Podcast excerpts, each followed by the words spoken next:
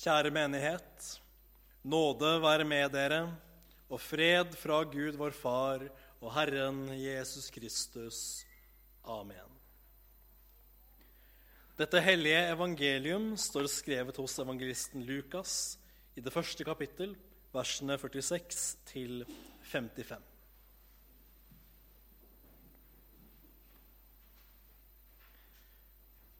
Og Mariam sa, Min sjel opphøyer Herren, og min ånd fryder seg i Gud, min frelser, fordi han har sett til sin tjenerinnes ringhet.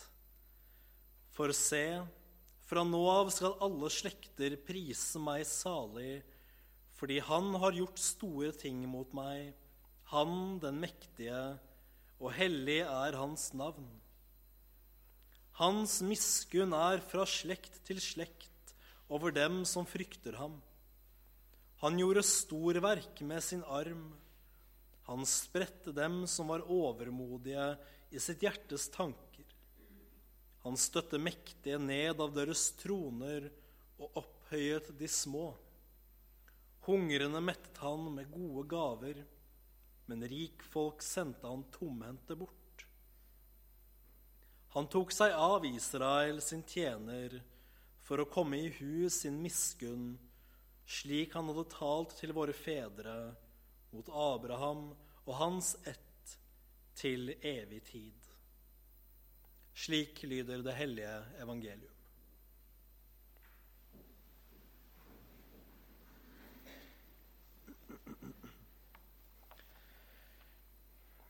Det er en veldig glede og lovsang som stemmes i fra Marias munn. Det er som om hun ikke helt har forstått hva som egentlig skjer, før i dette øyeblikket. Noen dager tidligere fikk hun besøk av engelen som kunngjorde at hun skulle bli med barn og at barnet skulle ha navnet Jesus. Nå er hun på besøk hos sin slektning Elisabeth, og underlige ting skjer. Elisabeth roper ut i Den hellige ånd.: Velsignet er du blant kvinner, og velsignet er frukten av ditt mors liv. Ja, min Herres mor hadde hun kalt Maria. Og med dette så istemmes altså Marias lovsang. Den store glede som kommer når det virker som om det på ordentlig går opp for henne hva som faktisk er i ferd med å skje. Nå som engelens ord har fått lagt seg i hjertet hennes og blitt utbrodert av Elisabeth. Ja, tenk at hun, en helt vanlig kvinne av Davids slekt, skulle få være den som bærer fram Messias, Gud selv, den som var lovet oss. Ja, velsignet, velsignet er Maria blant kvinner, og alle slekter har prist henne salig. Det skulle vel også vi gjøre. Men må vi ikke passe oss litt nå, så vi ikke ender opp med å dyrke og tilbe Maria? Ja, det er vel en fare i noen sammenhenger. Det skal man ikke lure på. Men det er en fare som er en annen også, som kanskje er en vanligere fare i våre sammenhenger. Nemlig det motsatte.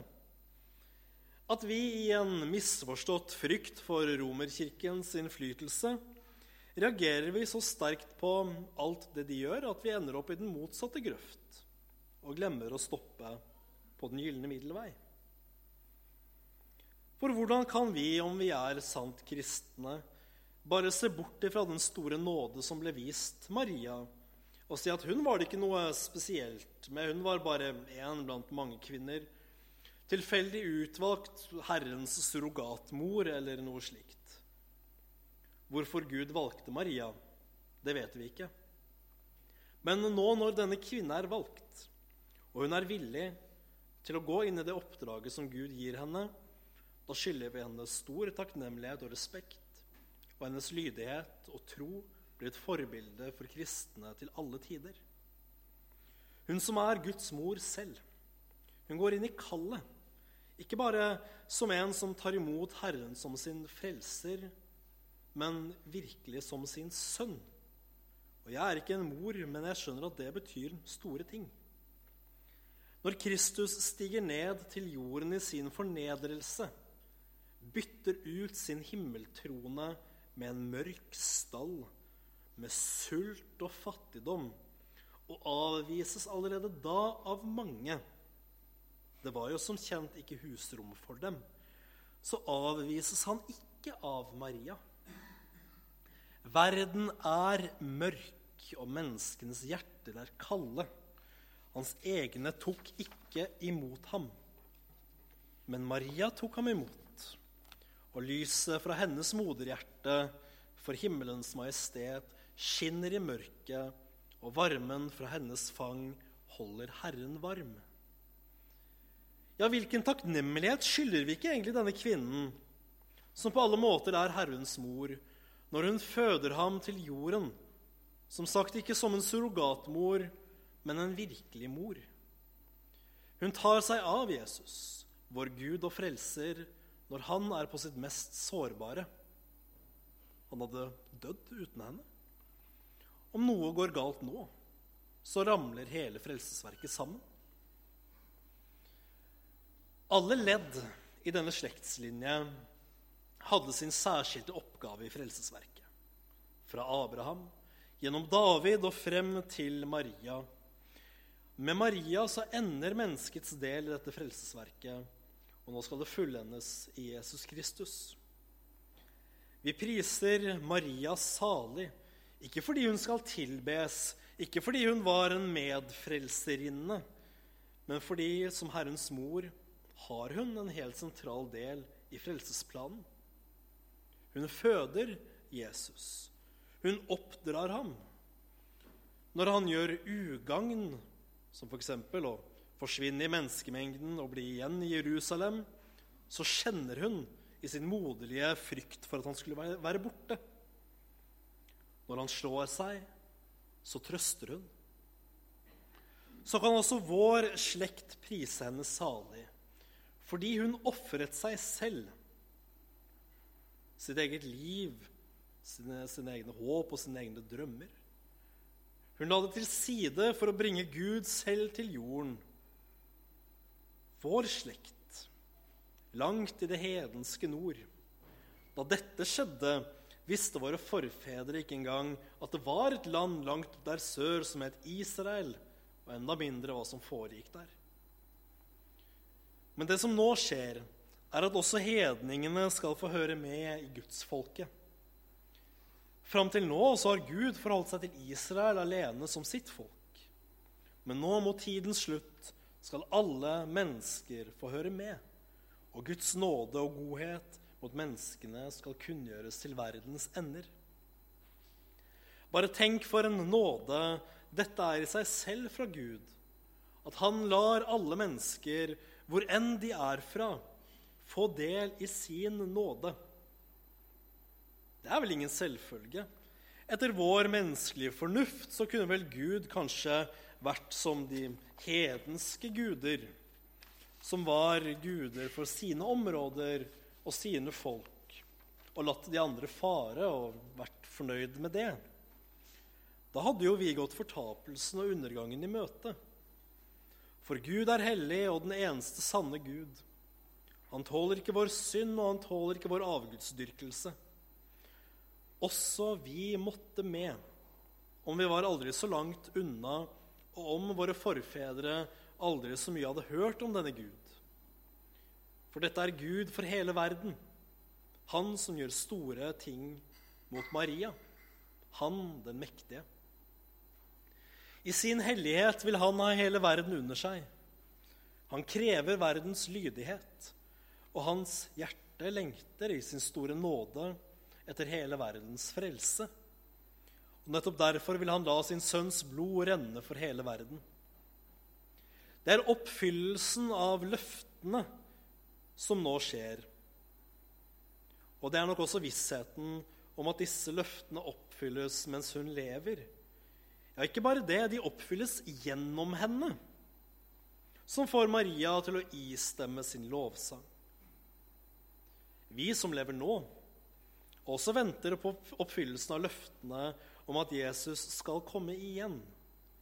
Så Tenk bare på den lovsang det ville brakt fram i oss om vi fikk vite at nå snart kommer det. For Maria var israelitt. Hun kjente løftene. Hun kjente de løfter som var gitt til Abraham om Guds nåde. Hun hadde hørt profetene bli lest om Messias som skulle komme. Om Herrens tjener, som skulle sone folkets synder og gi fred med Gud til et tro, troløst folk. Gjennom henne skjer det. Nå oppfylles løftene. Og løftene som blir gitt Israel, finner sin oppfyllelse ikke bare i dette folket. For Gud har forordnet i sin nåde at alle folk, også hedningene, skal omfattes av løftenes nådige oppfyllelse. For Gud er en trofast Gud, så at løftene oppfylles, det skal vi ikke lure på. Det var etter hans ord og løfte.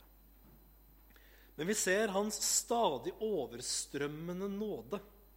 At han også lar oss som var langt borte, både åndelig og fysisk, få del i dette, selv om vi ikke er israelitter. I Kristus podes vi inn på Israels tre, og også vi da får del i løftene, hvor også vi for Jesus skyld kan få våre synder tilgitt av Guds nåde. Så blir det store spørsmålet om man vil ha løftene vil man ha oppfyllelsen. For vår Gud er den Gud som i sin storhet lar seg fornedre, som i sin hellighet ydmyker seg. Når Gud selv stiger ned og blir menneske, ja, da ser man hva han gjør med de som bærer hovmodstanker og ideer om egen storhet. Vil man ikke ha løftene eller løftenes oppfyllelse, da støtes man ned. Det er de som måtte tenke at Nei, jeg trenger vel ingen nåde fra Gud. Jeg kan da vel kanskje gjøre meg fortjent til både et og annet av belønning fra ham på egen hånd. Kommer man til Gud og sier, 'Gud, jeg er så rik. Jeg trenger ikke det du har å gi meg', da sendes man tomhendt bort. Men Maria lærer oss dette, at vi er helt avhengige av at Gud husker på sin miskunn, sin nåde. For det Gud gjør når han husker på sin miskunn, det er at han metter de sultne med gode gaver. De som hungrer, som på sine synders tomme mage ikke klarer å mette seg selv med sine gjerninger, de blir mettet av Gud. De lave, som i frykt for Guds hellighet knapt løfter øynene opp til fjellet. De løftes opp i rettferdighet, ikke den som kommer fra oss selv, men den rettferdighet Kristus gir. Den han har i seg selv, og som han gir videre til oss. Han stiger ned til vår jord for å løftes opp. Han dør så vi skal leve. Han tar på seg straffen, og han lider Guds dom på korset. Så vi skal gå fri, og at vi også i sannhet kan si at vi er løftet opp, mettet av Guds store nåde, når våre synder blir tilgitt, ene og alene fordi Gud er rik på miskunn. Ære være Faderen og Sønnen og Den hellige ånd som var, er og blir en sann Gud fra evighet og til evighet. Amen. Da synger vi den neste salmen på nummer 829.